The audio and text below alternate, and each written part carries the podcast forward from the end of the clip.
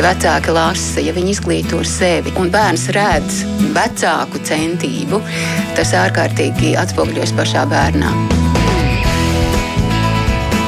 Mēs tiekamies ģimenes studijā.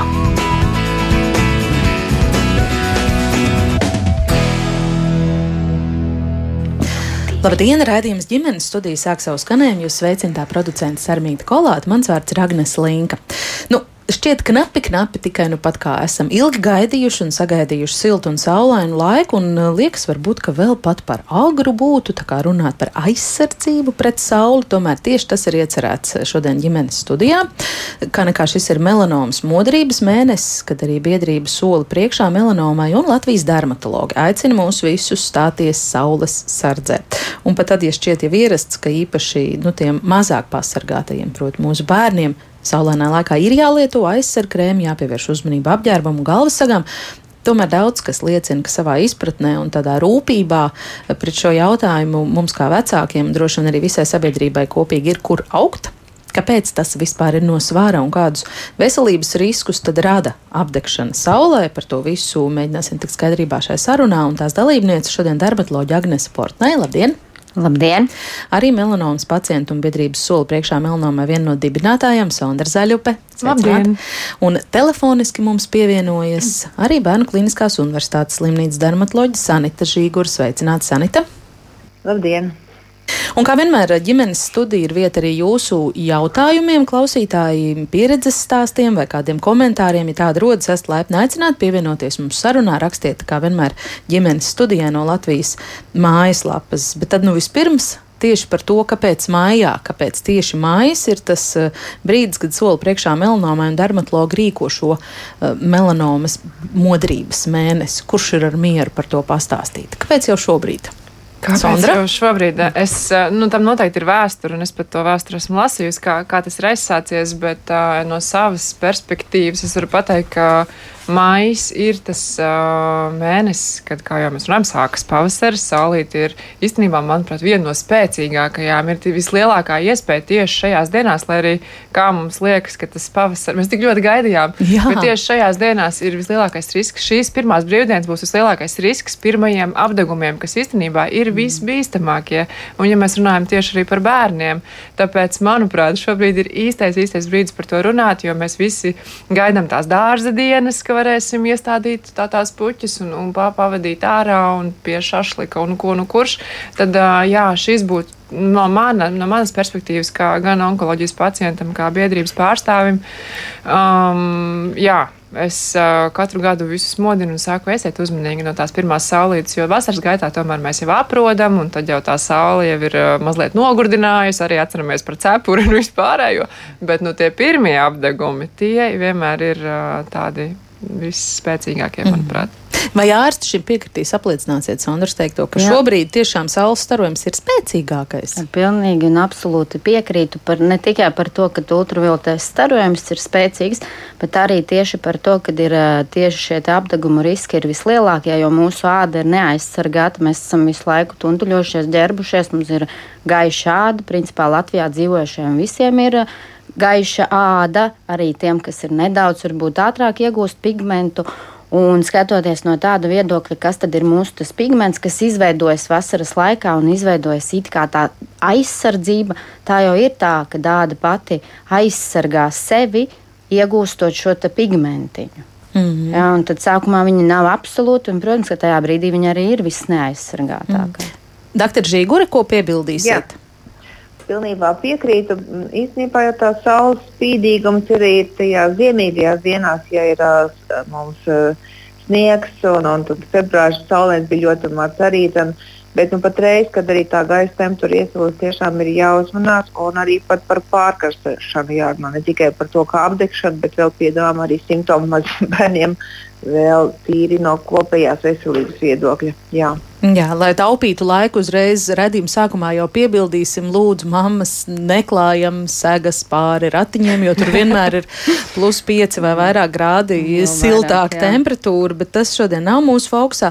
Bet kāda tad ir tā saistība ar to, cik silts ir ārā? Varbūt drusku par to vēl var, jo man, piemēram, šķiet, ka pie vienādi spožas saulītes, nu pie plus 30 grādiem, tad mēs visi apdegam kaut kā ātrāk un vienkāršāk nekā tad, ja ir, piemēram, tā kā šobrīd, plus 20 aiz logu. Tur ir kaut kāda saistība korelācija? Uh, īsti nē, jo tāpēc, ka ultravioletais starojums tas ir pavisam kas cits, un infrasarkanais starojums tas ir, respektīvi, kas ir siltuma izdara, tas ir pavisam kas cits. Bet kāpēc un tā šķiet? Tieši, tā, tieši šo te, ko doktora Žīgura teica par to, ka arī ziemā ir jāstāsta, Jā. ir augsts, ir pilnīgi augsts, bet UV tāpat tās stari ir. Uh, tas ir saistīts, nu, tā sajūta varbūt ir tāda, jā, mēs arī vairāk plus 30 grādos noģērbjamies, varbūt, Aha. jā, nekā plus 20 grādos. Nu, tas ir viens, jā. Mhm. Bet kopumā ultravioletais starojums tas ir pavisam kas cits un karstums. Jā, tas ir interesanti. Un ir jāskatās tad drīzāk tas UV indeks, ko saka, tas ir tāds varbūt salīdzinoši jauna lieta, kas ir ienākusies, bet to, ko jau arī mums laika ziņās pastāstīja, jā, jā, jā, bet vasarā parasti. Ziemā par to Pārsvarā, jā, bet arī, ja mēs paskatāmies, mēs, tas ir saistīts ar saules novietojumu attiecībā pret Zemi. Mm.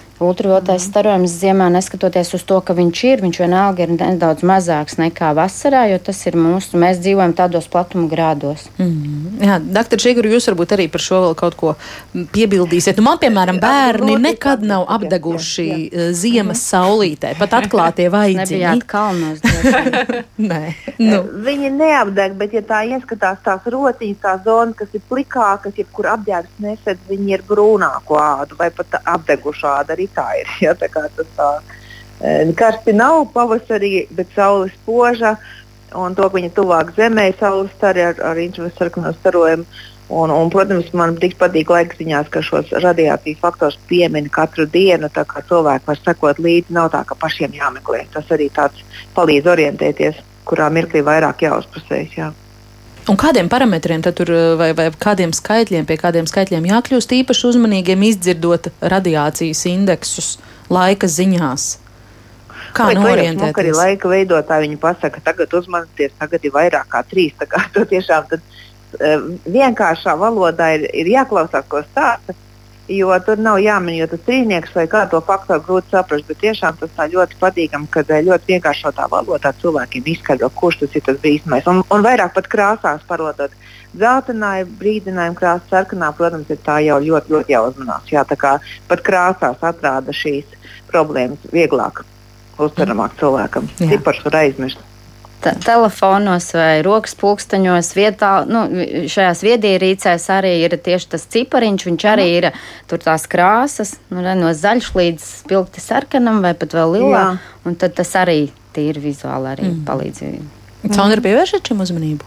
Jā, jā sevišķi nu, ikdienā es, protams, labprātāk izvēlos uh, pa dienu nebūt ārā vai pārvietojos. Es esmu no cilvēkiem, kurš pārvietojās ēnās, um, bet uh, jā, ja es zinu, ka man būs jāpavada diena ārā, tad, protams, es tam pievēršu uzmanību. Mm -hmm. Tad viens otru papildinot arī mēs varbūt varētu izstāstīt, kāda tad ir tā pareizā saules aizsardzība šobrīd, kas ir tas, ko jūs arī pašas kā māmas praktizējat savās ģimenēs un, un kā atšķiras tie nosacījumi bērniem un pieaugušajiem? Tagad, saulēnā laikā. Varbūt es druskuļi varu. Jā, doktor Žīgur, tad sāks. Lūdzu, jā, tad jums jā. Paldies, es atvainojos, pat cik neredz acis, tad vieglāk ir ieklīsties. Es gribu runāt. Droši. Jā, doma ir tāda, ka, nu, brīnišķīgi kā doktori un zinātnieki var izstāstīt 30 plus un 50 faktors klājam, kā iziesim ārā sākot no 9 no rīta, tad ir jāuzklāj šis aizsargkrēms un ik pēc divām stundām jāatjauno. Bet bērni aiziet bērngārzā, neviens viņam otro reizi neklāts. Un tas laiks, kas ir nu, bīstamāks, ka tie saules sadegumi var bojāt tādu, ir no 10 rītā līdz 4 vakarā. Un tad tā aizsardzība bērniem pareizāk būtu izvēloties apģērbus galvas sagas, eh, krekliņus ar garām rokām un vēl ideālāk šīs drēbes, kas ir ar speciālu UPF faktoru norādīts, kuru šis aizsardzības faktors ir līdzīgs kādam 30 faktoram. Tā kā nu, katram savas tās rocības, bet arī, ja tas būs nu, kokvilnas drēbes ar garām rokām, tā būs aizsardzība vai platmās ar platu malu, lai būt, lai galvā šī galvas saga sargā. Jo drēbes vislabāk pasargā vai pavisam maziņie, līdz sešiem mēnešiem. Viņiem aizsargājums nevar likt, nav tāda vērtījuma. Tad kā tad glābt? Tas ir turēt ēnā, un izvēlēties arī šīs drēbītes mugurā, kas apsedz augumu. Tas būtu mans tāds ātrais komentārs. Mm, ko dāmas studijā papildinās? Es nemaz, ja godīgi, nebiju līdz šim kad raidījumam gatavojoties uzzināju, bet pirms tam nebija dzirdējis par audumiem ar SPF aizsargu faktoru. Daudz tas klāsts ir plašs bērnu apģērba piedāvājumā. Sondra, jūs varbūt zināt. Es godīgi sakot, tam vēl neesmu tā ļoti pievērsusies, jo es uzskatu, ka kvalitatīvs koku vilnas apģērbs, mhm. elpojošs, ļoti labi arī pilda šo funkciju. Protams, ir cilvēki, es uzskatu, ka tas ļoti nodara sportistiem mm. un cilvēkiem tiešām, mm. kam ir ikdienā jāpavada laiks ārā. Mm. Tādiem kā es, nu, man arī jā, jāsaka no mammas viedokļa un arī nu, no, no sava tāda personīgā, ka tās drēbes bieži vien ir diezgan padārgas. Mm. Līdz ar to es, protams, kaut kādus nu, no sava pieredzes stāstīju šos peldu kostīmus un tādas kaut kādas peldu lietas uh, esmu skatījusies, arī esmu iegādājusies. Bet pārējo šo es skatos, kā tas attīstās. Man ļoti interesē, un, un, un ja ir kaut kas tāds, ko es, protams, ieraugu, kas man šķiet noderīgs, tad jā, tad ir, es noteikti iegādājos. Uh, bet uh, jā, es esmu mazliet cits gadījums. Es uh, nepavadu tik daudz to laiku. Es, es pieturos pie, tūm, pie tiem punktiem, kur ir ēna. Uh, tad, tad neusturēties šajā aktīvajā mm. laikā, ar, nu, tieši saulē.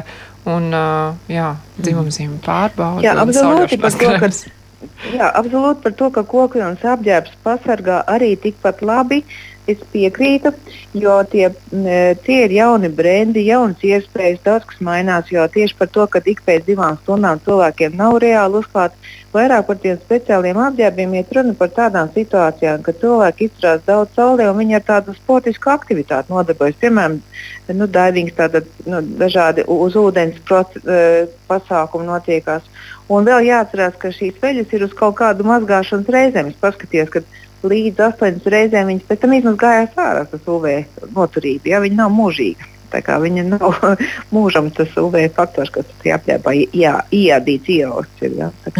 Parasti mūsu labas kvalitātes drēbes, nu, tādā ziņā, ka viņas nav plānas, caurspīdīgas, viņas ļoti labi arī var pasargāt. Jā. Piedošanu, ka tev jaucos. Nē, viss kārtībā. Doktor Potnē, papildināsiet vēl kaut ko, mm. varbūt par aizsardzību pret sauli šobrīd tieši lieliem, maziem, maziem jau īpaši. Nu, jā, tas ir galvenais, tātad tā cepure, saules brilles arī Tā arī ir ļoti vērtīga un laba lieta. Nu, ja mēs atrodamies vai braucam apzināti pie ūdeņiem, ko es gan strikti teikt, neiero, neieteiktu, pat nevis tikai neierosinātu.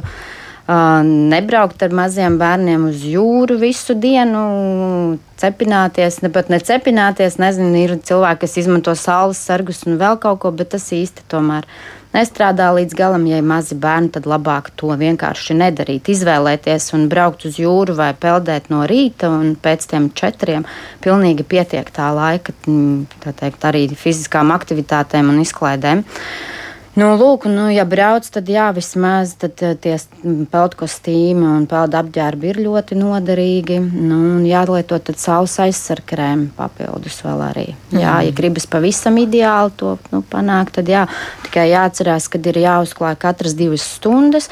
Un otra lieta, kad nevajadzētu darīt tā, ka mēs aizbraucam uz pludmali vai nu, vienkārši izējām ārā un tad smērējam to krēmu jo ir jāpaiet minūtēm 20, 30, kamēr jebkurš no tiem līdzekļiem, vai tas ir aerosols, sprejs vai gēls, tad viņam ir jāabsorbējas ādā un tikai tad viņš pilda savu funkciju. Lūkā. Tā ir otra diezgan izplatīta lieta, kad mēs izējām ārā, sasmērējamies Jā. un gaidām. Tad pat apmēram tās pirmās 23 minūtes īsti līdz galam tā aizsardzība arī nenotiek no tā līdzekļa. Mm -hmm. Un es atļaušos vēl vienu piedot, ko es tā palasīju, bet es tiešām pie tā piedomāju arī. Ten, jo, piemēram, ar minerāļiem eh, tie aizsaka faktori, un viņam ir tāds balts efekts, nemaz to balto efektu negribas. Un tas pētījuma secinājums bija tāds, ka cilvēki nelieto pietiekošā slānī uzklājumu. Norma būtu, kad ir uh, uz vienu kvadrātcentimetru 2 mg tā krēmija jāuzliek. Tas ir tāds balts, balts, pavisam balts cilvēciņš noziests. Un Un vai arī variants šotiņš, nu, sorry, 25 grami.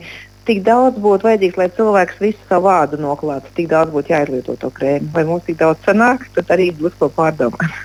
Nesanāk, ne tikai nē, tas ik pēc divām stundām, bet arī tas daudzums, kas tiešām ar to krēmu būtu pasargājošs. Jo, ja viņi riktīgi, kārtīgi izdzīvē, funkcija aizsardzībai beidzas. Nav tā slāņa.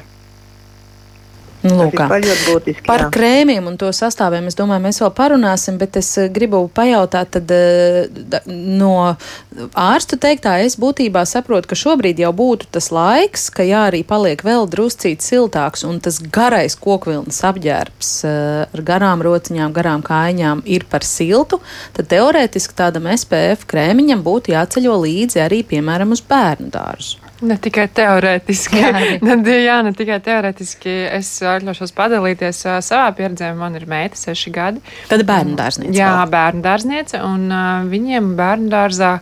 Um, ir šis noteikums, ka līdz ko ir uh, saulainais laiks, tad katrs bērns nes savu sauļošanās krēmu un uzraksta virsū savu vārdiņu. Um, pirmajā gadā es tā ļoti skeptiski skatījos, jo man liekas, nu, ko tad tie bērni tur uh, var un ka tam, tam tik ļoti jāsako līdzi. Bet uh, tagad jau viņai ir seši gadi, un šajā pavasarī viņa man saka, māma, paliek siltāks, mums vajadzētu nopirkt uh, krēmiņu. Viņa pati uzraksta vārdiņu, un jau pirmā, pirmās dienas viņa man atskaitās, māma, es šodien saziedos. Bet, pati. protams, tagad jau es vairs to nedzirdu, tagad jau tas jau ir iegājies. Bet uh, man ir jāsaka, ja, nu, ja, ja mēs tieši runājam par to, ka bērni neklausās vai nedzird vai uh, kaut kā protestē, manuprāt, viņi to dara tikai vecāku klātbūtnē. Un tajā brīdī, kad viņi, respektīvi, kad mēs ieliekam to sēkliņu, ka to vajag darīt, viņos tas kaut kur nosēžās. Un, un bērdā, bērnu dārznieki, vismaz manā pieredzē, viņi ļoti aktīvi viņi palīdz viens otram, palīdz mazākajiem arī muguriņu un pleciņu saziest. Man ir ļoti laba pieredze tieši ar šo, ka mēs jau nu, no principā trīs gadu vecuma dārziņā tas jau tika jau iesākts kā tāda tradīcija, un, un man viņai nav jāskaidro, kāpēc tas ir mm. jādara. Jums ir brīnišķīgs bērnu dārzs. Jā, iesaku kukurāmba. jo tāpēc tas ir, tas ir arī no tāda viedokļa, kad uh, veiksmīgi tiek iemācīts bērnam to darīt, un tad viņš arī pieaudzis būs, viņš to darīs. Ja?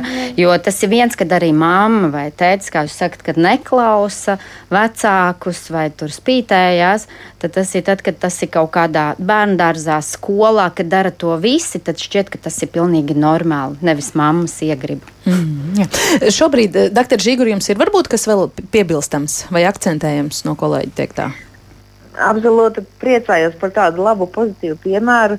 Bet nu, man atkal pieredze tāda, ka vecāki lūdzu uzrakstīt, lai es uzrakstu rakstiskā veidā īziņu, eh, ziņu, piemēram, audzinātāju, lai bērnam lietotu kaut vai, piemēram, kopšanas krēmu par saules krēmiem. Arī es esmu rakstījis, ka uh, bērndārzos tā vismaz, varbūt, ka tas tagad ir pamainījies, uh, Eh, kad, eh, ja nav ārsta zīme, viņa neuzņemās arī pat kopšanas krēmus smērēt audzinātais. Es ļoti priecājos par šo piemēru, ko es dzirdu, un es būtu priecīgi, ja tā būtu katrā bērnā. Tas droši vien tās tāds īpašības.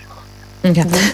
Žēl, bet šķiet, ka līdz tam mums vēl kāds eh, ceļš ir ejams, jo ne visur var būt arī eh, tāda pieredze. Mūsu sarunai šobrīd eh, piepulcēsies vēl kāda dalībniece. Dace ir četru bērnu māma ar divām no viņas atvasēm. Viņai ir tāda pamatīga apdeguma pieredze. Tā nu ir gadījies, un līdz ar to šai mammai radušies arī secinājumi, ka mēs gan kā vecāki, gan pedagogi, arī sporta treneri, nu varētu tomēr pret šo saules aizsardzību izturēties vērīgāk. Paklausīsimies Daces stāstītajām. Meita trenējās pludmales volejbolā, bija arī viena no pirmām jūnija dienām, pirmā saule, un nebija uzvilkusi krēklu.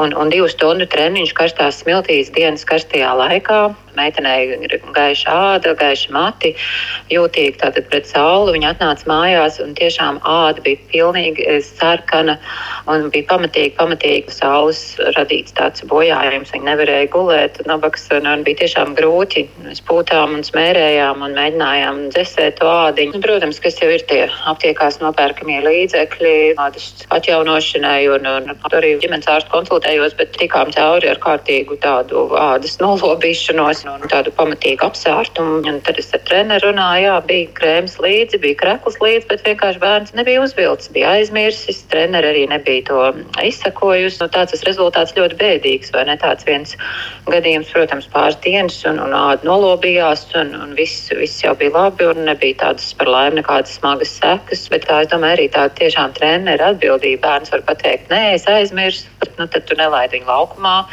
uzlikt kādu ierobežojumu un, un tomēr stingri tiek sekot, jo tas var radīt tiešām ļoti, ļoti nopietnas eh, paliekošas sekas. Ja mēs zinām, ka katrs saules apdegums eh, bērnībā var arī palielināt iespēju saslimt ar ādas vēzi vēlāk dzīves laikā. Zinātniski pierādījumi to apstiprinājuši. Tā kā ir, ir jādomā un jāskatās. Viens cits gadījums arī tāda ļoti jauka skolā nometnīt dienas bija arī tāpat māja beigās, jūnija pirmās saulēnās dieniņas bērns pavadījis laiku tur pļavā, dabā, pētot tur augus un, un putnus, un, un arī atgriežas vakarā mājās. Un nav uzlikta cepurīte. Krēms bija iedots līdzi, cepura bija palikusi somā, nelietota. Ādiņa arī apdegus galvu, pilnīgi sarkana, viss sēņi un, un, un tiešām ļoti, ļoti spēcīgs starojums. Gaišai ādai jau daudz, daudz nevajag.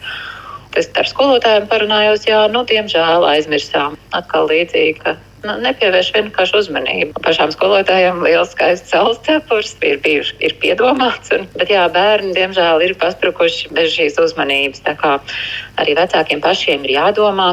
Es domāju, ka tā attieksme jau mainās un iet uz labo pusi, un noteikti ir milzīgs saules aizsardzību līdzekļu klāsts, un ir tik daudz informācijas arī katru gadu. Mājā īpaši melnāms modrības mēnesī par to mums atgādina mēdī, un, un jā, visi kopā mēs varam tam pievērst uzmanību un, un mēģināt pasargāt sevi, lai saule mūs silda un priecē, bet esam arī uzmanīgi un, un sevi sargājam paši un savus bērnus un savus mīļos un tuvos. Nepietiek vienreiz pateikt, iedot līdzi, bet ir, ir jāskatās, jāsako. Un arī tāds jautājums, vai, teiksim, treneri, pedagogi, nometņu vadītāji, vai, vai tiešām var, viņiem ir kaut kāda informācija, kā viņi bērnus sagatavo, pasargā, pieskata lai tas būtu droši un, un vienoti. Nu, visiem vienādi noteikumi, vienāda pieeja, lai kāds šādi nevar tā pasprukt cauri un, un vienkārši atgriezties mājās apdedzis. Es secinu, ka jūs paši ģimenes kopā būšanas laikā brīvdienās rūpīgāk lietojat dažāda veida saules aizsardzību. Un, nu, jā, ļoti cenšamies, bet, nu, protams, cilvēki cilvēki un vienmēr par simt procentiem mēģina, bet nu, nevar, nevar tā nodrošināt. Bet, jā, ikdienā, protams, piedomājums, edzošs apģērbs, cepures, spēcīgs saules aizsargkrēms ar 50 faktoru. Tā kā nu, domājam, mēģinam, jā, galvenais to tādu par tādu paradumu ikdienu mēģināt padarīt. Vecākās meitenes jau 18, 20 ļoti nopietni izturas un tiešām es redzu lasu un, un seko līdzi un, un izmēģinu dažādas līdzekļus un, un tiešām tā attieksme ir tāda atbildīga un seko instrukcijām, cik bieži un pēc peldēšanās atkārtot. Un jaunākie bērni 11 un 13 tur jā, vairāk nāks piestrādāt un atgādināt un, un, un teikt, dēls nodarbojas ar purāšanu, tad mums ir sarunas, viņš jā, cepuri pierunājums, saules brilles uz ūdens atstarot, tās viņš tā kā nevēlas un arī jāatgādina par šo saules krēmu periodiski. Nav aizmirst, negrib un nav interesi. Nu, jā, tas prasa tādu ikdienā, tādu regulāru atgādināšanu, bet tas noteikti ir tā vērts un, un tas noteikti ir jādara. Mēs jau arī mācāmies un, un mēģinām kopā par to domāt, un atgādināt un iedrošināt. Un nav jau arī viegli tiem, tiem pedagogiem, jo, piemēram, grupā bērns ir vecāks, kas kategoriski ir nē, un es savam bērnam neko virsū smērēt negribu dodoties uz jūru. Un tad ir atkal vecāki, kas saka, jā, kā var iet bērns ārā bez saules aizsargkrēma. Un tad audzinātājs ir skolotājs pa vidu, viņam tad ir arī jāatrod un nu, jāpieskaņojas vēlmēm. Un, un tas arī nav vienkārši un prasa ne tādu, tādu izdziļināšanos un izpratni. Tā kā lai mums visiem izdodas.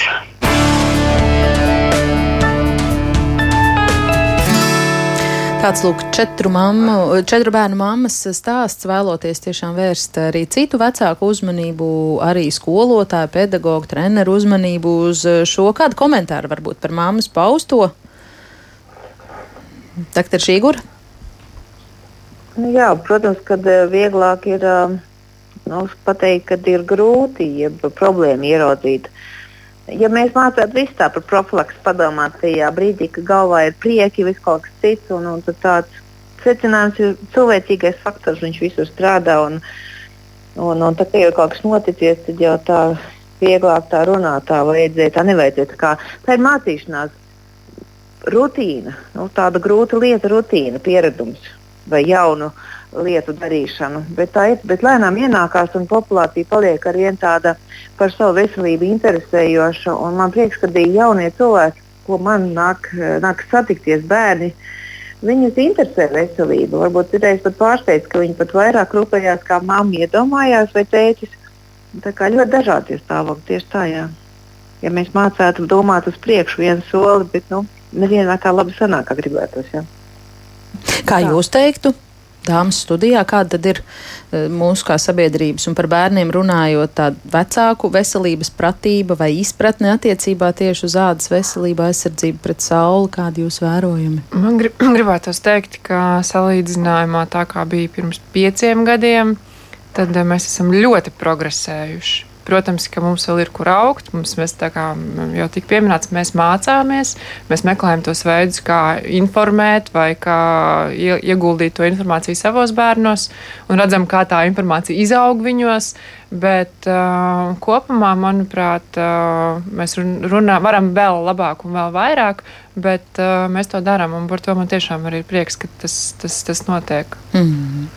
Un par treneru pedagoģu, skolotāju rūpību, izpratni šajos jautājumos. Tam ir liels svars. Tam ir noteikti ļoti liels svars. Mēs kā biedrības, biedrības soli priekšā Melnāmā, mēs katru gadu mēģinam kaut vai mazu to uzmanības tādu virzienu arī vērst šajā, šajā virzienā. Un arī mums katru gadu ir, mēs cenšamies izveidot šos seminārus informatīvos, kur ir aicināti ne tikai skolotāji un treneri un, un, un, un pedagogi, bet arī skaistuma kopšanas um, pārstāvi dažādi vai vispār cilvēki, kas strādā ar ķermeni ikdienā. Mm. Un tad atnāk tie ieinteresētie, jā. labie, motivētie, jā, tiem, kuri tāpat jau zina jā, daudz, jā, jā. vai ne? Bet tas ir kā jebkurā jautājumā, arī par veselīgu dzīvesveidu kopumā runājot. Nu, vienmēr jau vajag celmlaužus pirmkārt, otrkārt ļoti ieinteresētos cilvēkus, un tad jau pavalkās arī pārējā sabiedrība. Un viss arī sākas arī ar mammu un tēti un mūsu pozitīvo piemēru. Jo ir arī tādas situācijas, kad jā, tev bērnam ir jāliek, jāsmērē, jo tas ir kaitīgi, bet man nē, man nav tas jādara. Jā, vai, nu, tas arī bērni jau to visu redz. Jā, jā, kad. Labs aspekts, kā ar piemēru mēs ļoti daudz, un mēs to bieži, tik bieži aizmirstam. Arī es pati esmu pavērojis, ka tagad tu nevarēsi tur to planšeti vai telefonu. Un pats, ko dara cilvēks, pats tēvs vai mamma sēž un, un, un telefonā. Mm -hmm. nu, tā kā jā, tur mēs varbūt uh, vēl grēkojam. Mums, es saku, mums vēl ir ko mācīties visiem kopā. Bet vai, mums, vai mēs varam parunāt to, par to arī, kas tad ir tas, ar ko mēs riskējam? Nu, viens ir tā ticība, ka aizsardzība pret saules starojumu ir tāda nopietna lieta, bet eh, vai un kā vispār var izvērtēt to, eh, vai ir iespējams tā noteikt? Jā, cilvēks pēc tam saslimst, piemēram, ļaunākajā gadījumā tiešām rādas vēzi, jo nav lietot saules aizsardzību. Vai un kad, kā tas vispār var izpausties, eh, nu, piemēram, sēkas pēc smagiem saules apdegumiem, vai to ir iespējams pēc tam saistīt? Droši vien pētījumos tas ir, tas, tas ir jau izdarīts. Ne visi mēs par to zinām.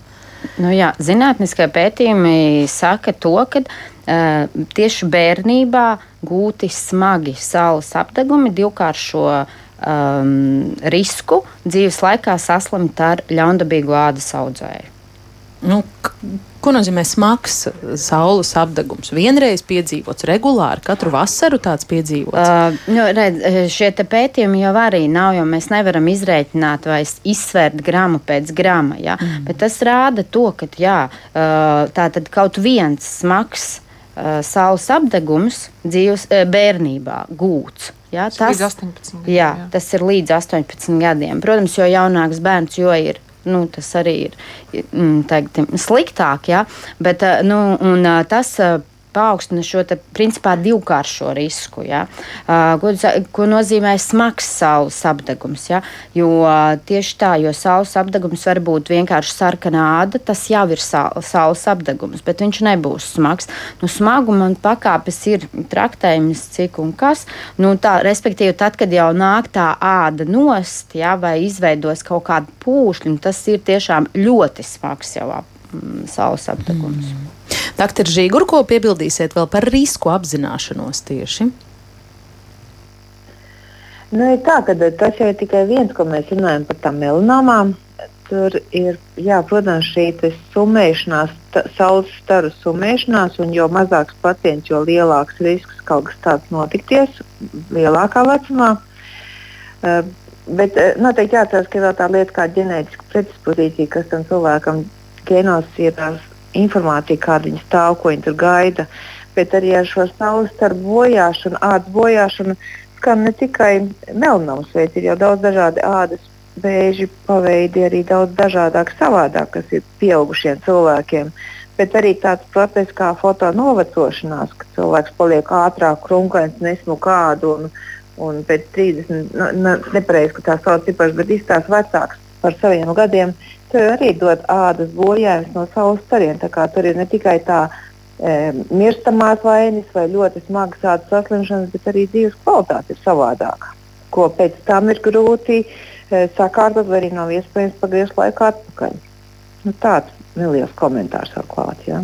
Nu jā, nu tie droši vien ir tādi argumenti, kurus mēs bērniem nu, tā īsti iepārdot nevaram. Un arī jā. teikt viņiem, zini, nu, ir tas krēms jāsmērē, jo tev varbūt būs ādas vēzis. Tas šķiet kaut kā dīvaini, vai ne? Kā, kā jūs runājat ar saviem bērniem? Es gribēju vēl bišķiņu pie, pie tā iepriekšējā, varbūt pie tādu faktu, ka būtu laikam jāpasaka arī tas, ka melanoma un ādas vēzis nav vienīgais faktors, respektīvi, mm -hmm. saule nav vienīgais faktors, kā mēs varam tikt pie šīs diagnozes. Ne visi mm -hmm. melanomas pacienti ir cepušies saulē 20, mm -hmm. nezinu, cik gadus vai stundas. Līdz ar to uh, mēs nekad nevarēsim pateikt, ka, ja tu iesi sauļoties, tev būs melanoma, tāpēc, ka tā nav taisnība. Uh, melanoma arī nevienmēr ir uz ādas, viņa var būt gļotādā, viņa var būt acī, viņa var būt uz nagiem. Ir ļoti daudz šo, te, kā jau arī uh, doktori pieminēja, respektīvi, tur ir. Uh, ir tāds uh, ir formula, katram ir tā sava formula. Bet šis saules apgabals var būt viens no tādiem iniciatoriem. Jo iespējams, ka tavā ķermenī vai manā ķermenī, acīm redzot, manā ķermenī bija visas, kon, viss jau bija.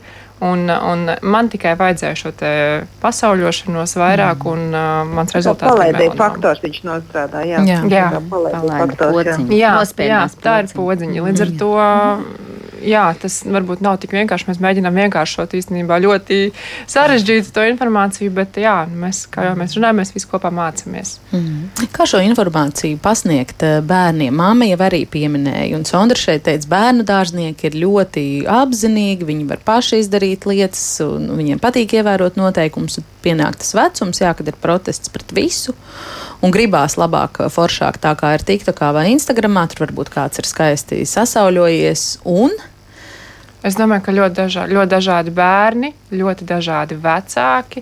Es vienmēr saku, ka es arī meklēju veidus. Es, nes, es nevaru apgalvot, ka mans bērns ir ļoti paklausīgs. Viņai arī viedoklis ir par visu. Līdz ar to, ja es viņai stāstu vienreiz, un es redzu, ka viņa nesaprot, es do, sēžu un domāju, kā es to varu pasniegt savādāk, lai viņi to saprastu. Un tas, manuprāt, ir visgrūtākais uzdevums mums kā vecākiem. Attiecībā pret mūsu bērniem. Jo, ja mana mamma var man pateikt, tagad, kad meitiņa piedod, bet es nezināju. Tad es savam bērnam tā vairs nevarēšu pateikt. Mm. Jo man māma, viņa, man, viņa man pateiks, pateiks nē, māma, nevis tu nezināji, bet tu neizpētīji. Mm. Tā tad tas nebija svarīgi. Un, jā, manuprāt, nav vienas formulas, kā runāt ar bērniem. Mums ir jāmeklē, kā runāt ar dažādām grupām, ar puišiem, ar meitenēm, ar sportistiem, ar dejotājiem, ar gudriniekiem. Ar, jā, katram ir sava, savs tas, tas pieejas veids. Jā, ļoti varu. palīdz bērniem uzskatāmas lietas. Nu, piemēram, ko es tā varu pieminēt, ja puisis pēc vasaras nometnes viņš nāk nu, drusku nobijusi. Viņi arī lasa tie pusauģi. Viņi jau vairāk arī sāk interesēties par veselību, vai kaut kur redzējuši, dzirdējuši. Un, uh, nāk jau interesējas, kas tā par dimuzīmu lūdzu pārbaudat. Nu, un ieraugot, piemēram, uz pleca zonas tādu plaukumus, kas paliek pēc apdegšanas, nu, tad viņas pabrīdināt, pastāstot, ka tāda būs vairāk un ka tas ne tikai nesmuki izskatās, bet var pārvērsties kā tāds nejauks iekaisums vai, vai pat saucē runājot. Viņi tiešām ieklausās. Vai arī pirmais, ko tie pusauģiem patīk, tas uz kosmētisko efektu pievērš uzmanību, kad nu, tas tā varētu būt un vairāk, un tad viņas tā kā sabiedē tāds variants. Bet uh, mazie bērni arī atcerās, piemēram, ja kādam palicies bija nu, tas saules dūrienu simptomi, ja, kad pat vai noģīvas, viņas ļoti tā, tas arī sabiedrē. Viņi arī tādu situāciju nemaz negrib redzēt un piedzīvot. Kā, kādreiz ļoti tāds, nu, kā to bildēs pastāstot. Ar lietām, ko viņi saprot, jo bērniem jāmāk pastāstīt tā, ka viņi saprot, ko viņiem saka ar nesarežģītu situāciju. Un tad ļoti daudz ko ar bērniem viņi saprot un to arī ievērot. Piemēram, man patīkās jūsu teikums, kā meita ievēro aizsakrējumu lietošanu bērnu dārza vecumā. Fantastiski. Tā ir ideja, kā viņa piedāvāja un stāstīja. Pornē arī ko piebildīs. No savas pieredzes varu pateikt tikai to, ka man liekas, ka nevajag sarežģīt lietas, un ar maziem bērniem ir jārunā ļoti vienkārši. Jā. Un jo tas bērns aug lielāks pusaudzis, protams, ka tur būs cita pieeja. Mazam bērnam pietiks tikai vienkārši ar mūsu pozitīvo piemēru. Tas ir tāpat kā zobus tīrīt, nezinu, ēst dārzeņus un padzerties ūdeni. Tieši tāpat tās nevajag neko sarežģīt un neko skaidrot. Ja tam bērnam rodas interese, tad viņam arī vajag paskaidrot, kas ir ir un kāpēc tad ir jāsmērē. Jo tas ir nu, kā dažādi cilvēki. Vienam interesē, vienam neinteresē. Ar pusaudžiem, protams, ka ir grūtāk, bet ar viņiem vienkārši ir grūtāk. Nu, tas ir mūsu, nezinu, jebkura vecāka droši vien lielākais izaicinājums, kā tikt galā vai kā sadzīvot un sadraudzēties ar savu pusaudzi. Ja izdodas, tad forši, tad varam pasist sev uz pleca. Un, bet nu, arī tas pats tikai mācīt pozitīvus piemērus. Tas ir viss. Jā, mazāk biedēšanas. Es atgādināšu, jā, ka ģimenes studijā mēs šodien runājam par to, kāpēc sevi un bērnus jo īpaši ir jāsargā no saules. Eh, sarunas dalībniece ir dermatoloģija Agnese Portneja, biedrības sola priekšā melanomai viena no dibinātājām Sondra Zaļupe un telefoniski ar mums kopā arī Bērnu klīniskās universitātes slimnīcas dermatoloģija Sanita Žīgure. Eh, vai mēs varam arī īsi pateikt, kas tad ir tā labākā, pareizākā rīcība pēc saules apgabuma, ja tāds tomēr ir gūts. Nu, atnāk tas bērns no kaut kurienes, vai arī paši nesam bijuši gan vērīgi un, un, un ir sanācis apdegt saulē. Kas ir ABC, kas ir jādara? Kurš šo doktoru Žīgure komentēsiet? Nu, Pirmais ir atvēsināšana. Varbūt tā ir vēsa dušiņa, bet, protams, jāstāsta, cik tas nopietni atkal. Jā, tā kā pirmais ir atvēsināšana, pat ja tas bērniņš nu, tāds, nu, ļoti tāds, nu, nav priecīgs, bet nav tik smagi notikusi tā lieta, ka uh, nav vajadzīga palīdzība, tad tas var būt arī pretiekais līdzekļu došana. Tas pats, ko mēs pazīstam, paracetamols, piemēram. Ja? Un kaut ko atvēsināšana sāk ar vēsu. Un arī jebkurš vēs krēms noderēs, bet neko nebērs. Labāk ir tāds sprēja veidā kaut ko uzklāt virsū uz ādas un pēc iespējas atpūta. Eh, virsū mugurā noteikti kokvilnas drēbītes, lai neguļ pliks, jo, ja nav drēbītes mugurā, tad miesa, kas nav apsakta, bērzējoties pret audumu, viņa vairāk traumēsies. Bet nu, bez tā patreiz ļoti grūti vienā teikumā pateikt, kuru palīdzību, jo, ja tas ir ar pošļiem vai bērns ir ļoti sagoris vai pat ir vemšanas simptomi, protams, tad, tad ir nopietnāk un dodas uz slimnīcu. Jā. Vai var izdalīt arī kādiem ādas tipiem ir eh, no saules vairāk jāsargājas, kuriem jābūt uzmanīgākiem? Es nezinu, gaišas ādas bērni īpaši Jā, jāpieskata, rudmatainie cilvēki vai tam līdzīgi. Mm, jā, protams, jo, jo gaišāk. Jo tad arī tad, tad, tie šie ādas tipi iedalās pēc tā, kāda ir reakcija, ādas reakcija uz sauli. Tātad pirmais fototips tas ir cilvēki, kuri principā izējot uzreiz ārā saulē, viņiem uzreiz ir sarkanā āda. Tātad tas ir visaugstākā tāda riska grupa. Tad nu, tie šie visi aizsarga um, lietas, kas ir ko jā, varam, ļoti jā, rūpīgi, jā, jā. Tas ir jā. Bet uh, Latvijā principā mēs dzīvojam uh, lielākais vērums, tātad ir pirmais, otrais un tas trešais fototips. Tad būtībā mēs visi esam gaišādaini cilvēki. Tātad mums visiem arī ir jāievēro šie aizsarga pasākumi. Mm -hmm. Kā ar topošajām māmiņām un skaistā apaļā vēdera iesauļošanu? Kāpēc saviebāties, doktor? Nē, nu, nē. neatbalstāt. Nē, neatbalstu. Jā. Kāpēc?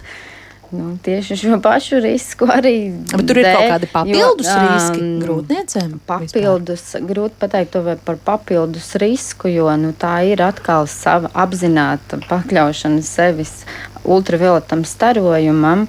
Um, un jā, pieaug arī risks, protams. Uh, pašai mammai, protams, mm. risks pieaug. Es piebildīšu, ka man uh, melanoma tika diagnosticēta grūtniecības laikā. Nu, tā kā jau attīstījās. Mm. Tā kā noteikti es arī neatbalstu sauļošanos grūtniecības laikā. Mm. Drusku integrēsim klausītāju jautājumus, jo daži tādi arī mūsu pasta kastē ir iebiruši. Um, Anija raksta, kā ar sauli jau jūlijā, augustā, kad pie saules būs jau pierasts, varbūt tad var nelietot tos krēmus un ļauties dabīgajiem D vitamīniem. Nu, te ir tas viedoklis, kas, es domāju, priekšstats, kas ir ļoti dzīvs vispār mūsu sabiedrībā, ka tāds vasarā labi nosauļojies bērniņš izskatās tik jauks un veselīgs, un viņš ir labi uzņēmis D vitamīnu un sagatavojies uh, rudens cīņai ar dažādiem vīrusiem. Mm, jā, un šeit es varu pakomentēt eh, to, ka mēs vienkārši zem iedegušas sādas neredzam apsārtumu. Tas -hmm. ir arī tik Tas vienkārši. tieši tik vienkārši. Jā, jā, jā jo vienkārši, jo pigmentēta, nu, jo sanāk eh, brūnāka āda, eh, notiek tāpatās šis te ultravioletā starojuma ādas bojājums, bet mēs vienkārši viņu vizuāli tik labi neredzam, tas ir ļoti mānīgi. Mm. Doktor Žīgur, ko jūs atbildētu mammai, kura saka, jūlijā, augustā pie saules jau pierasts uzņemsim dabīgo D vitamīnu? Nē, noteikti nē. Iet runa par to, ka tā, tā ir ādas sumācija, to, ko tikko doktora Hagins pateica. Un uh, tad ir uh, jāģēb drēbes ar garām rokām, tas pats, kas jādara pirmajos saules staros. Bet vispār tie, kam patīk uh, būt brūnā krāsā, teikt, pašā izvēle ir lieliski iespēja ir lietot paštonējošus losjonu sprejus, ko, protams, nelietos bērniem. Tā ir brīnišķīga iespēja, kā izskatīties tajā vienā tonī. Jo īstenībā to sauļošanos modi ienes ļoti neveiksmīgi viena apdegšana. Tad ir kā aktis iznes sev smēles. Un kopš tā laika cilvēki sāk sauļoties. Agrāk jau tā cilvēki nesauļojās, un tā mode ir panesusies. Un, uh, nu, jā, skaistāks tas miesas apgabals, iesauļot tādu, bet uh, tur nav starpība, kurā gada laikā sauļoties drošāk vai mazāk drošāk. Visu laiku ir vienādi nedroši. Jā. Uh, māma kāda raksta savā bērnībā, protams, sauļošanās krēmus nelietoja, neviens nelietoja, tomēr tādu apdegšanu neatceros. Vai saule ir mainījusies, vai, vai man vienkārši ir tāda, ja tā var teikt, izturīgā kāda? Cilvēki, kas neapdeg. Saula noteikti arī ir mainījusies. Noteikti um, mūsu paradumi ir mainījušies, mēs esam mainījušies. Es domāju, ka tā, un te arī um, es gribu piebilst, ka tie, tie cilvēki, kas ikdienā uzturās ilgstoši ārā, viņi neapdegs tik bieži, kā, pieņemsim, es, kuru iziet ārā reizes nedēļā, nu, tādā tiešā saulē. Līdz ar to um, mūsu vecmāmiņas vestētiņi, kas no rīta līdz vakaram uzturējās ārā, viņi dzīvoja šajā saskaņā jau principā arī ar to dienas un saules ritmu, um, viņiem arī šī āda tomēr bija savādāk. Viņi, viņi bija jau dabīgi, šis aizsarga, aizsarga slānis veidojās, uh, līdz ar to gan saule ir savādāk, gan mēs esam savādāk, mūsu paradumi ir savādāk cilvēki. Um, es uh, noteikti ne, ne tā kā nepaļautos uz to, ka āda ir kaut kādā īpašā veidā izturīga. Jā, kādam, jā. jā. Ozonas slānis arī ir bišķiņš pamainījies. Tas, jā, arī tas arī ir savādāks nekā agrāk. Mēs, uh, varbūt, uh, mēs vairāk esam iekštelpās, un uh, mūsu drēbes ir savādākas, kā mēs mazgāties varam, kā mēs uzpucēt māju varam, tie visi ir faktori, kas ietekmē ādas uh, uzņēmību, ādas īpašības un par to, ka otrētais starojums tuvāk zemē tiek sasniegts un, un to, ka jā, tiešām par to zonu slāni un visu uh, ekoloģiskā situāciju par to runājam un, un uh, vispār uh, par to, ka zemes temperatūra ir siltāka nekā pirms daudziem gadiem. Tie visi faktori kopā, tā kā jā, tāds ir. Un galvenokārt mūsu paradumi ir mainījušies, jo es pati atceros savas omītes, tas bija, kad es bērnībā, un viņām bija kaut kādi 90 gadi apmēram, tas jau bija ļoti sen, un uh, bija tā, ka es atceros viņas vasarā, uh, viņas staigāja ar kreklu, garām piedurknēm, ar gariem un svārkiem. un savukārt, ja mēs pastamies, varbūt es tagad, piemēram, savu māmu varētu salīdzināt, kas arī šobrīd ir omīte, tad viņai, piemēram, varbūt pie, tieši ļoti patīk. Viņa arī iet ārā, dārzā strādā, bet viņai patīk novilkt savu halātu un uh, strādāt, darboties peldkastīnā. Jā, jā, un, uh, jā, un man uh, pacienti bieži vien oponē ar to, ka, jo es ierosinu nu, kā atgriezties kā mana omītes. nu, bet karsti jā, taču. Jā, un galvenais tas arguments ir, ka karsti. Un es saku, ka nē, es pati esmu izmēģinājis, man arī ir privā, nu, māja un dārs, un es saku, ka man liekas, ka ir vienādi karsti, ja tu strādā zem saules, kad ir tev uh, peltkastīmā, tas strādā. Vai ja tev ir kaut kāds, nu, piemēram, kokvilnas, nezinu, halāts, kleita vai mm. kas plāns, nu, jā, nu, tas par plānumu vēl, bet vienalga. Jā. jā, tā kā. Jā, viss pašu ziņā. Māmiņa raksta, vecākiem ir jābūt atbildīgiem, jāizpēta krēmu sastāvdaļas, jo tās ir sintētiskas. Jau zinātnieki atgādina, ka drīkst saulē atrasties līdz pulksten 11, pēc pulksten 16, tad krēmu nevajadzēs. Dienvidzemēs pusdienas laikā cilvēki neusturas saulē, arī nesportoties Latvijā, pat pusdienas laikā bērni tiek sauļoti pludmalē. Un tā, diemžēl, ir tā mūsu realitāte. Es pievienošos, ko mēs redzam. Mēs te varam visu tā skaisti un prātīgi, apdomīgi apspriest, un tad uh, aizbrauksim sestdien, svētdien paskatīsimies, kas notiek pludmalēs. tur, tur, būs, tur būs īstenība. Nu, cik pamatot ir tie priekšstati par to, ka jā, arī saules krēma ir pirmkārt farmācijas kompāniju tāds liels biznesa segments, un arī, ka tie ir gan piesātināti ar, ar dažādām sintētiskām ķīmiskām vielām, kas nebūtu nav nekaitīgas. Nu, vai tomēr jāvadās pēc principa labāk kaut kāds nekā nekāds? Jāparājas ar krēmiem tieši? Es noteikti varu no savas nu, lietotāja pieredzes uh, pakomentēt, ka, manuprāt, tas kāda, kāda arī attīstība šajā jomā ir pēdējo gadu laikā. Ne tikai sastāvā, bet arī par ko mēs runājam, par to balto cilvēciņu, ka Jā. šie krēmi vairs nav tādi, ka tu viņu iezied un staigā zili baltā krāsā. Tajā brīdī, kad es lietoju um, zāles un man, es vispār nedrīkstēju saulē uzturēties, tad man, at, man atsūtīja labi draugi no, no Austrālijas. Viņi, viņiem ir ļoti attīstīts mel, melanoms. Jā, jā. Mm -hmm tirgus, man gribas teikt, tā arī sanāk. Un, un tur bija šie krēmi, bet viņiem arī tā konsistence. Tas gan bija nevis 50, tas bija jau SPF 100. 70, es jā, redzēju 70. Jā, 70, 100. 100 arī. Jā, pie mums tagad arī ienāk šogad. Es arī jau redzu, ka ir, ir 100 parādās. Uh, un tad tas arī bija nu, tāds, ka ir pavisam, tu esi balts, mm. zili baltā krāsā izskaties. Bet, manuprāt, šobrīd tā jau vairs galīgi nav problēma, un tas vairs nav attaisnojums, ka man nepatīk tā sajūta, jo tu mm. vari izvēlēties jebkādu sajūtu, kādu mm. tu vēlēsies. Un arī sastāvu, jā, es piekrītu šim te mammas komentāram, ir vienkārši jāpalasa, jā, jāpaskatās, kas kuram ir svarīgi, kas kuram skaitās sintētiski, kas kuram skaitās. Nu, mēs veselīgi. visi nebūsim tādi eksperti, bet ir kaut kādas, piemēram, sastāvdaļas, kuras jūs esat atkodusi, ka jūs pērkat krēmu savam bērnam, kur, kur vai, vai sev nu, ar tādu, tādu, tādu vielu es, piemēram, nepirku, ka tā tur ir sastāvā. Es nezinu, tas populārais titāna dioksīds vai kas tur bija. Tas. Es noteikti ļaušu no, nokomentēt. Jā, jā. dakterēm, bet es parasti jāskatos, uh, es noteikti nepērku, pieņemsim, kaut kādos veikalos vai Rimī vai, vai tādās vietās, noteikti nepērku krēmus.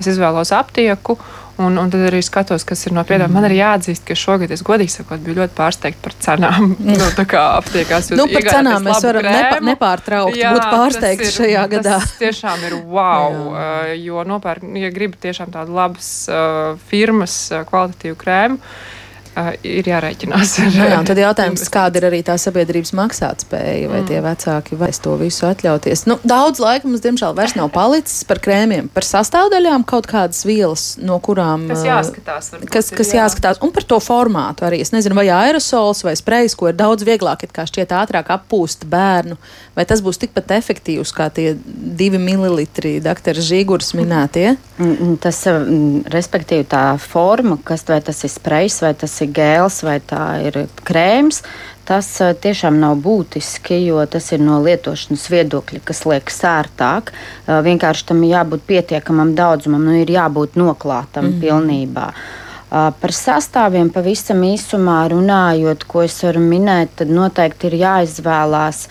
aptiekā pieejamie produkti, tiem būtu nu, priekšroka dodamais tā viedokļa, ka viņi tomēr ir nu, pārbaudīti un droši no lietošanas viedokļa. Jo ir vesels, milzīgas instances, kurām ir jāiziet cauri, lai vispār pieregistrētu to medicīnu. Tas nav medikaments, jā, atvainojos, mm. tas ir kopšanas līdzeklis, bet arī tur ir savi visi jāiziet soļi, lai vispār viņu varētu brīvi tirgot. Mm. Uh, un uh, bērnu līdzekļos pārsvarā tiek izmantoti fizikālie filtri. Tur ir tas, tas baltā cilvēciņa, tas mīnus vai trūkums. Bet nesprējos, nesprējos, kas ļoti populārs šķiet. Jā, jā nu, tur ir jāskatās tieši mm. tā. Un uh, tie fizikālie filtri, viņi nebūtu nav tik kaitīgi, jo tas ir patiesībā oksīds un tas ir um, fizikāls elements. Būtībā dabā sastopams. Mm. Ja? Mm. Un uh, noteikti ir jāpaskatās, lai būtu aizsardzība ne tikai pret UVB stariem, bet arī pret UVA stariem. Mm -hmm. Doktor Žīgur, jūsu pēdējais īsais komentārs par krēmu sastāvdaļām un formātiem. Jā, piekrītu par to, ko tikko pieminēja doktori. Un, uh, tur ir tā, ka tur vēl ir uh, starpība vai grib ķīmiskas dabas vai minerāļu sastāvu ir tā, ka, protams, viens ir, lai viņi būtu maz alerģiski, un tāpēc tiešām tikai aptiekā pērkam, skatīties sastāvu. Un dabīgāk būs arī minerāļu sastāvu. Un vēl jau ko piemin problēmas, piemēram, vidusjūrā vai citur dodoties pasaulē, tāpēc, ka no šīm, šīs vielas nosklojās no savām apģērba. Viņas ietekmē arī to, to ūdenī dzīvojošo floru, faunu. Jo, tas ir tā no vienas puses ar šiem krēmiem mēs sevi audzējam, bet uh, nu, kaut kur dabā viņš atpakaļ atsaucās. Tomēr drošākais ir tas vecais paveids, jeb labais paveids sargāšana ar stundu ievērošanām, ar apģērbu lietošanu atbilstoši, ka nosacīt vietas. Bet, uh, ja ir tāda nu, peldēšanās vai tomēr citāds skrēms jālieto, kuru izvēlēties, tā ir ļoti plaša iespēja. Un ka tur atkal tāda pusauģa vecumā iespējas vai losjons vai krēms, jo to tad var pieskaņot taukaināka, sausākā kāda, tas arī var palīdzēt. Jā. Bet citā tā ir ļoti, ļoti plaša izvēle. Tikai jautājums, protams, vienmēr par tām finansēm, ko katrs grib, spēj atļauties. Kādreiz jau liekas, vai cik dārgi, bet īstenībā, ko mēs saucējam, sevi saucējam. Kas mums ir dārgākais cilvēks? Protams, mēs un mūsu bērni. Nu, tā. Tad es no jums neizspiedīšu, kuras ir tās sastāvdaļas, no kurām tomēr aizsargājuma sastāvā vajadzētu Tad izvairīties. Raidījumu ķīmisko patreiz tiešām es tā godīgi aizmirstu eh, nosaukt, lai es nenokļūdos. Tur bija tiešām vesela grupa uh, faktoru, bet patreiz man kaut kā sanāca, ka es aizmirsu viņus. Negribu nu, izgāzt. Nu, jā, labi, labi, bet eh, jā. nu, tad beig beigās tas princips tad varbūt labāk kaut kāds tas krēms nekā nekāds, vai tam piekritīs? Nē, nē, noteikti aptiekā pirkt. Pirmais teikums aptiekā pirkt, jo šie visi ir, eh, viņi ir pārbaudīti pētījumos, eh, noteikti pat, nu, sauktu konkrētu brānda nosaukumus, kas ir tiešām nē, nē, nu, droši pārbaudīti. Bet, nu, tā, jā, tieši tāpēc, ka nu, ir kaut kāds daudz, līdz kuram var pieminēt teikumus. Jā. Bet par tiem es pēkšņi aizmirsu. Tur bija tie Nu, jā, nu, jā, tas nākamreiz. Varbūt atkārtosim vēl vasaras gaitā šo sarunu. Jā, Teikšu šobrīd paldies eh, sarunas dalībniecēm, dermatoloģiem eh, Agnesei Portnojai un Sanitai Žīgurei un arī biedrības soli priekšā melanomai vienai no dibinātājām Sondrai Zaļupei par dalīšanos zināšanās pieredzē viedokļos šodien ģimenes eh, studiju veidojas Armīta Kolāta pie skaņpults Regīna Bieziņa. Mans vārds ir Agnese Linka. Rīt māmiņu dienu gaidot, mēs gribam parunāt par mātēm un meitām.